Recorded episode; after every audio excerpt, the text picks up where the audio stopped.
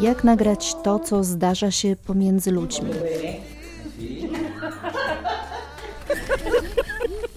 W jaki sposób opowiedzieć o miłości? Gdybym mogła się śmiać, to bym się śmiała od rana do wieczora. No.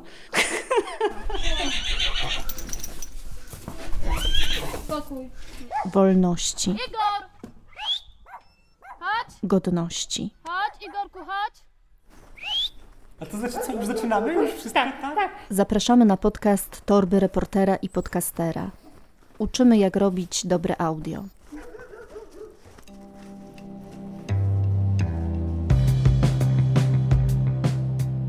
Witajcie, ja nazywam się Katarzyna Błaszczyk i wspólnie z Hanną Bogoryja-Zakrzewską prowadzę podcast Torba Reportera. To jest wyjątkowe wydanie, ponieważ zaprosiłam aż dwóch gości, twórców jedynego konkursu stricte dla podcasterów, jedynego takiego konkursu w Polsce. Pierwsza edycja odbyła się jesienią 2021 roku. Zapraszam do wysłuchania rozmowy.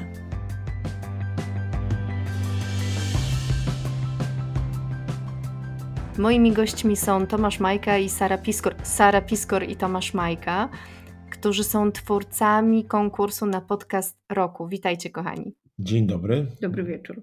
Jak powstał pomysł na to, żeby zrobić konkurs podcasterski w Polsce, chociaż wcale w Polsce nie mieszkacie? Tak się los nam poukładał, że w lutym zmarł mój tata, który był dziennikarzem Polskiego Radia Rzeszów przez 40 lat.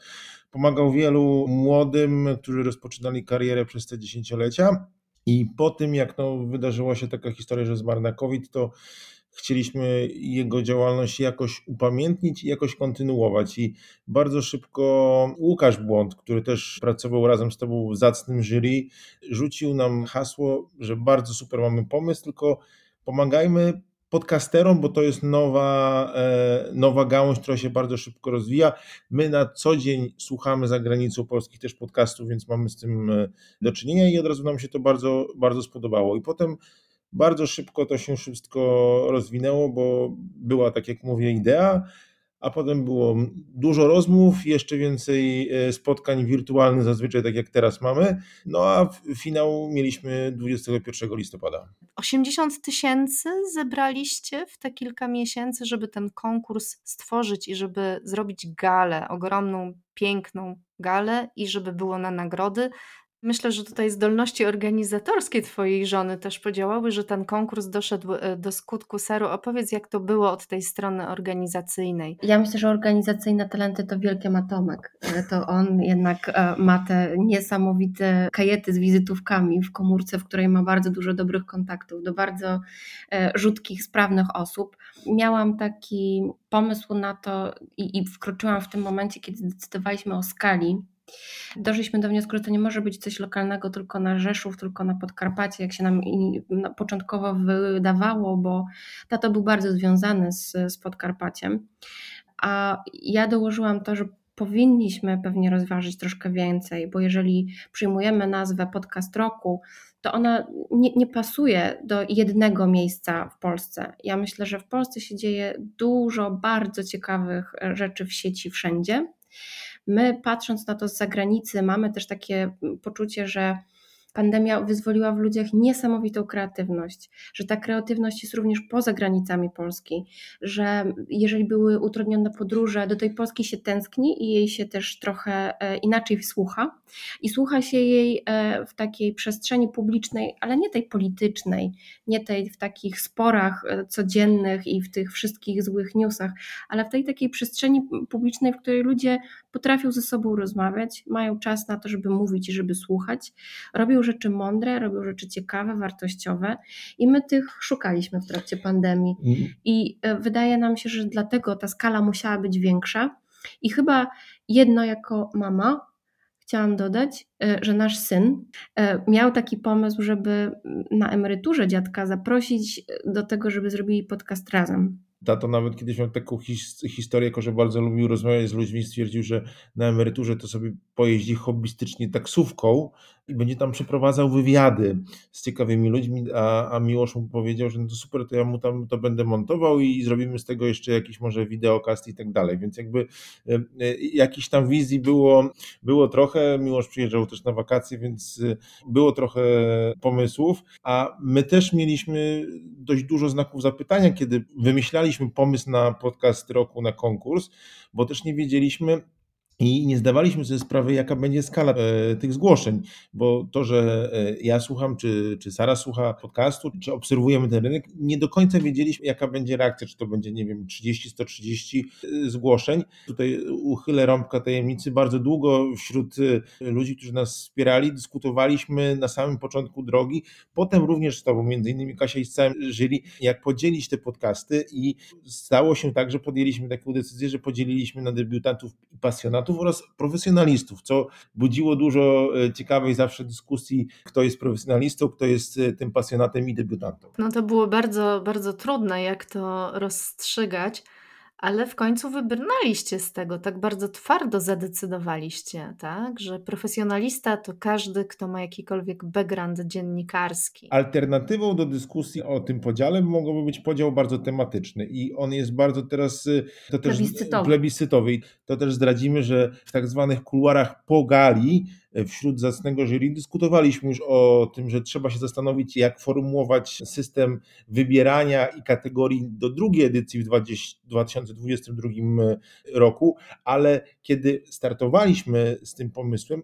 to dokładnie też nie wiedzieliśmy, gdybyśmy stworzyli konkretne, bardzo wąskie działki, ile będzie tych zgłoszeń. Więc y, odpowiadając jeszcze na pytania, dlaczego tak, no to właśnie to była taka prosta odpowiedź, że nie byliśmy pewni, czy na przykład, jeżeli zawęzimy sobie na przykład do bardzo przykład hermetycznego podziału wątek medycznych podcastów, czy dostaniemy dwa podcasty, czy 22.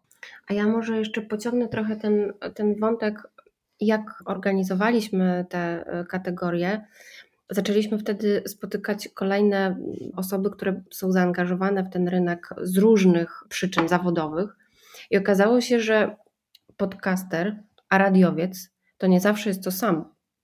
Bardzo często okazywało się, że za podcastem stoi bardzo fajny pomysł, fajna nisza, fajny temat, a czasami jeszcze nie jest to to wykonanie, które mogłoby być. Potem zaczęliśmy to sprawdzać ze znajomymi, którzy się zajmują profesjonalnie storytellingiem, czyli stąd ta dobrze opowiedziana historia, której szukaliśmy. Później zaczęliśmy szukać tego, no dobrze, ale dlaczego słuchamy tych podcastów? Czasami to jest bardzo fajny głos, bardzo fajna osobowość. I tak nam powstała kategoria e, magnetyzującej osobowości. Potem mieliśmy też wątek tego, że przecież podcasty to jest również nośnik, również e, praca z reklamodawcami, również promocja marek i to zaczyna być po prostu produkt. Więc zaczęliśmy też e, myśleć o nagrodzie dla e, zleceniodawcy, który świadomie korzysta z tego medium, jakim jest podcast. I jak zaczęliśmy sobie to jakoś tak opisywać, to pokazało nam się, że też trzeba popatrzeć na to jako na model biznesowy, na rynek, to się też przekłada na konkretne pieniądze i dla twórców, i dla domów, które zaczynają to produkować, oraz dla tych, którzy no, zlecają te treści albo wspierają produkowanie tych, tych ciekawych treści. E, I okazało się, że mm, są też ludzie, którzy zaczynają to badać w Polsce. Tak dotarliśmy do Tandem Media, panowie nas tutaj wsparli merytorycznie, opowiadając o tym, jak wygląda słuchacz podcastów w Polsce, ponieważ taki był raport, tytuł raportu, który oni przygotowali. I tym sposobem połączyliśmy kilka środowisk. I tu tylko dodam jedną e, rzecz, że właśnie e, zbierając komentarze, czy, czy słuchując się w głosy różnych osób, nie, nie tylko z branży stricte podcastowej, usłyszeliśmy to, że ten, e, ten konkurs może tak właśnie wyglądać, też jeszcze z jednego powodu, że my nie jesteśmy w branży podcastowej, nie działamy, nie jest to nasza, nie wiem, biznesowa działalność, nie działamy dla jakiejś jednej firmy, no to już pokazała ta pierwsza edycja, że możemy po prostu przyciągnąć bardzo różnych e, ludzi czy firmy e, z tej branży i, i dlatego taki ten konkurs wyszedł. Porównywaliśmy się troszkę do konkursów międzynarodowych. Sprawdzaliśmy, co się dzieje w Czechach, co się dzieje w Wielkiej Brytanii, co się dzieje w Stanach. I wyciągaliśmy wnioski, czego chcemy, czego nie chcemy. Wiedzieliśmy, że ten konkurs ma być chyba trochę bardziej autorski, on ma być dla autorów i, i, i o autorach, o twórcach. Chcieliśmy, żeby to nie był plebiscyt popularności, chociaż w przyszłości na pewno będziemy chcieli, żeby była nagroda publiczności przyznawana. I zależało nam na tym, żebyśmy doceniali takie dobrej jakości słowo, dobrej jakości wykonanie i fajne pomysły. No właśnie, to ja teraz trochę z kulisów, z czym ja się spotkałam po konkursie już jako jurorka, a mianowicie z takim zawiedzeniem świata podcasterów, czy z takimi sygnałami ze świata podcasterów nieprofesjonalnych, czyli takich, którzy nie mają backgroundu radiowego. I oni mówili tak: no fajnie, tylko że radiowcy dali nagrodę radiowcom. Podcast roku wygrała Anka Dudzińska, która wiadomo pochodzi z Radia Katowice, teraz jest w Radiu 357. Jaka z niej podcasterka? Ona jest przecież dziennikarką. Ty też jesteś dziennikarką. Trzeba zwrócić uwagę, że wręczyliśmy 11 nagród.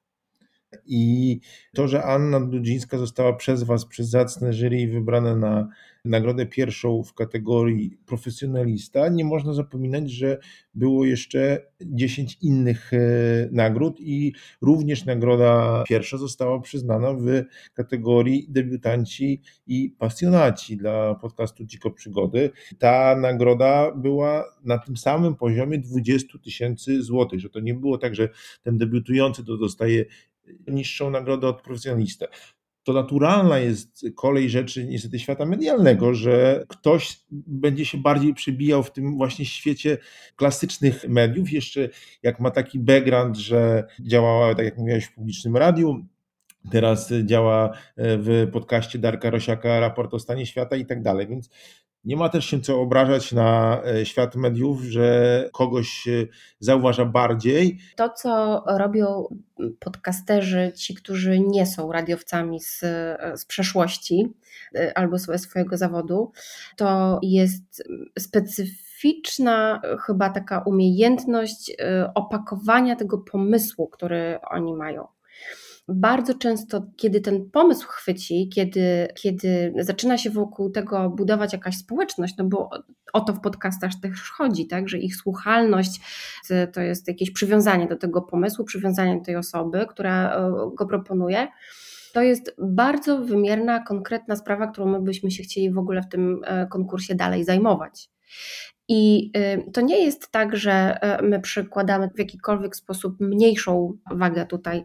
Wręcz odwrotnie, nam chyba podcasterzy zadają taki, powiedziałabym, challenge trochę, tak, taki szyk e, e, całości, żeby się naprawdę dobrze zrozumieć w, tych świecie, w świecie tych nowych mediów, żeby zrozumieć dobrze format, żeby pokazywać tam naprawdę różnorodność tego, co się tam dzieje. Oczywiście to, to wszystko, co się stało w ostatnim roku z mediami tymi tradycyjnymi, łącznie z tym, co dzieje się politycznie, wykreowało pewnie większą uwagę. Natomiast my widzimy i cenimy i sami słuchamy cały czas e, podcastów z tych 280 zgłoszeń, które nie mają z tym zbyt wiele wspólnego, a bardzo fajne rzeczy oferują. I dlatego też pomyśleliśmy, że chcemy zrobić w przyszłości coś dedykowanego dokładnie dla nich i będziemy kolejnymi e, pomysłami ich wspierać. To zanim o kolejnych pomysłach, to ja muszę o to zapytać, bo jestem tak ciekawa, czego słuchają Majki, jakich podcastów słuchacie w Brukseli, jak zatęsknicie za Polską. Naszym chyba takim centralnym punktem każdej soboty na pewno jest raport oczywiście o stanie świata Darka. E, natomiast e, słuchamy rzeczy z całej listy 280 zgłoszeń we wszystkich tematach, naprawdę. Ja pracuję w energetyce, więc to mogę od razu powiedzieć, że słucham kilku podcastów polskich e, energetycznych, czy to Biznes Alertu, czy to Polityki Insight. Z, z Miłoszem słuchamy na przykład koszykarskich podcastów, to teraz się złapałem, że w nocy mu wyłączam, bo zasypia przy podcaście. Tym e, takim podcastem nagrodzonym naszym, który bardzo dobrze zawsze na mnie działa, jest e, przed obrazem Muzeum w Słuchawkach oraz Dziko Przygody. Lubię też pracę Michała Kukawskiego. Zaznaczmy jeszcze tylko jedno, że to, że wymieniliśmy, że słuchamy między innymi takich podcastów, to nie miało żadnego znaczenia w pracach jury, bo nie należeliśmy i żadnych nie ma takich planów, żebyśmy mieli należeć do zacnego jury. E, My tylko, Teraz pomaga, my, my tylko pomagaliśmy Wam w pracy. To ja jeszcze na koniec zdradzę jeden tajnik, że jak był okres, kiedy e, Ty, Kasia, razem z jury słuchaliście tych 280, to rozmawialiśmy y, tutaj w domu, że no może trochę posłuchajmy też, kto się zgłosił, bo no widzieliśmy tylko nazwiska, opisy i tak dalej. Ja mówię, ja nie chcę słuchać, bo znam też osoby, które to, to robią, będzie mi łatwiej słuchać ich dopiero po waszej decyzji. Konkurs się odbył, ale wiem, że to nie koniec. To znaczy, że nie tylko w przyszłym roku ma być nowy konkurs. Pracujecie nad czymś jeszcze nad czym? Pracujemy po pierwsze nad powołaniem fundacji imienia taty, która by bardziej działała między konkursami. Pracujemy nad takimi programami mentoringowymi. Jeden to jest taki oczywisty dla tych laureatów wyróżnionych, którzy tego potrzebują.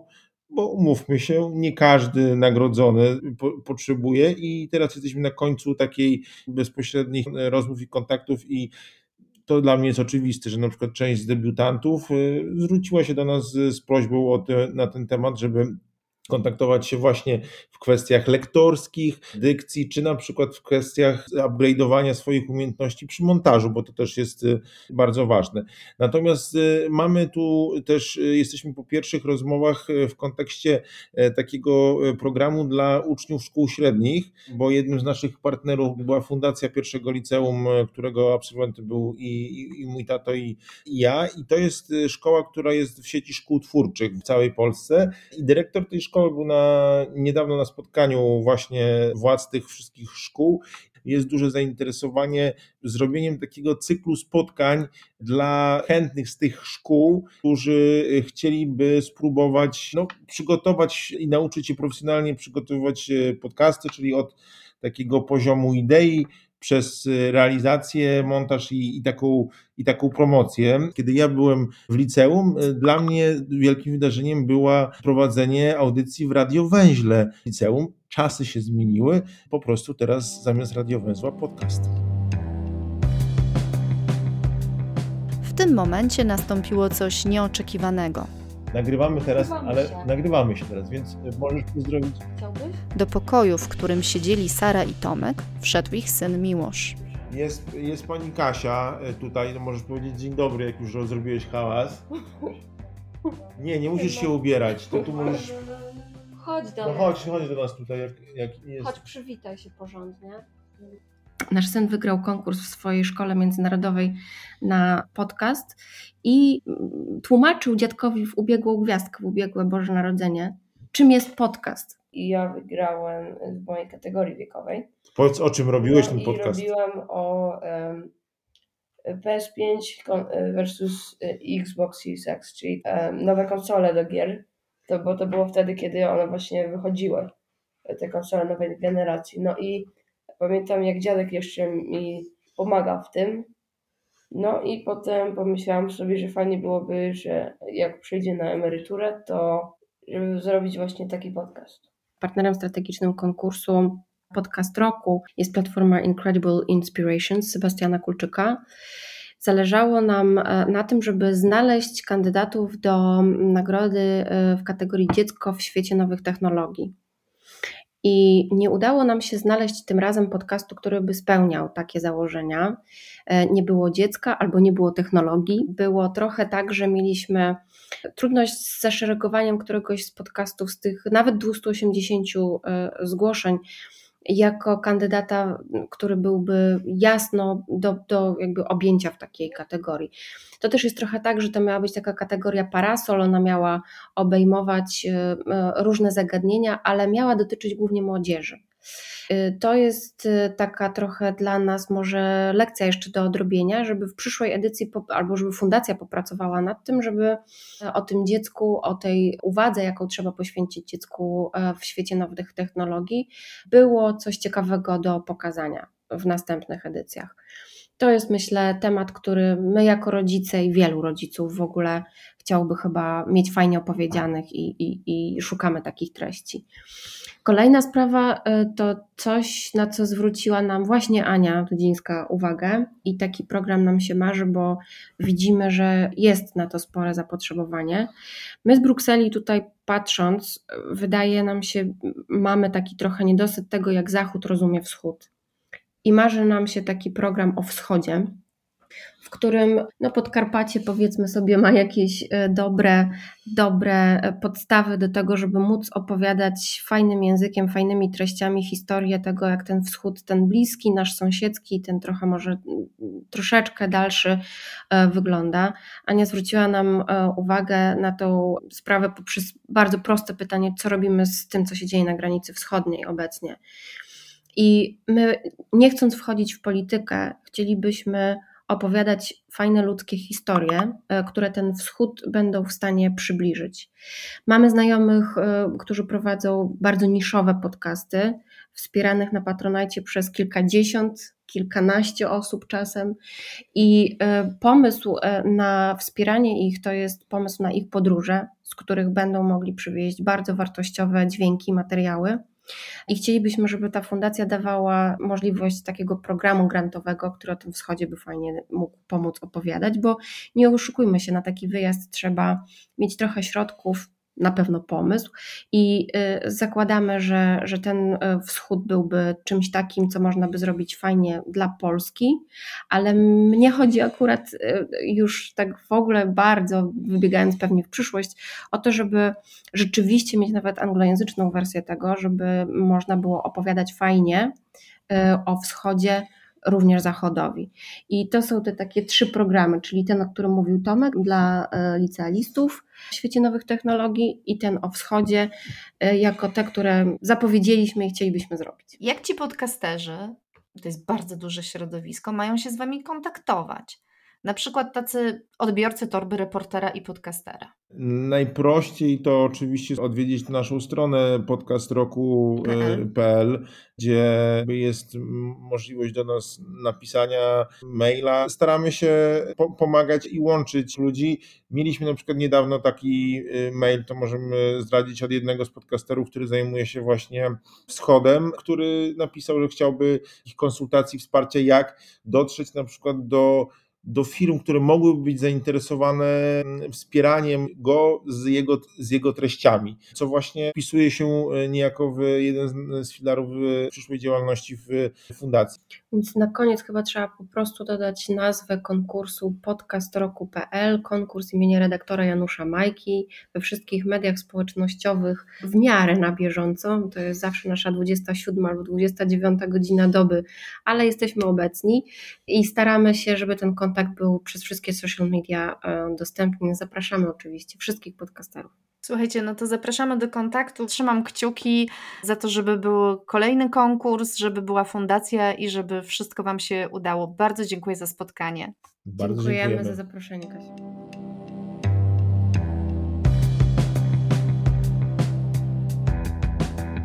Gośćmi podcastu Torby Reportera i Podcastera byli Tomasz Majka i Sara Piskor. Pełną listę nagrodzonych w pierwszej edycji konkursu możecie podejrzeć na stronie Podcast Roku. Tymczasem my, Torba Reportera i Podcastera, dziękujemy za wsparcie wszystkim naszym patronom. Od niedawna możecie nas wspierać na Patronite. Dziękujemy.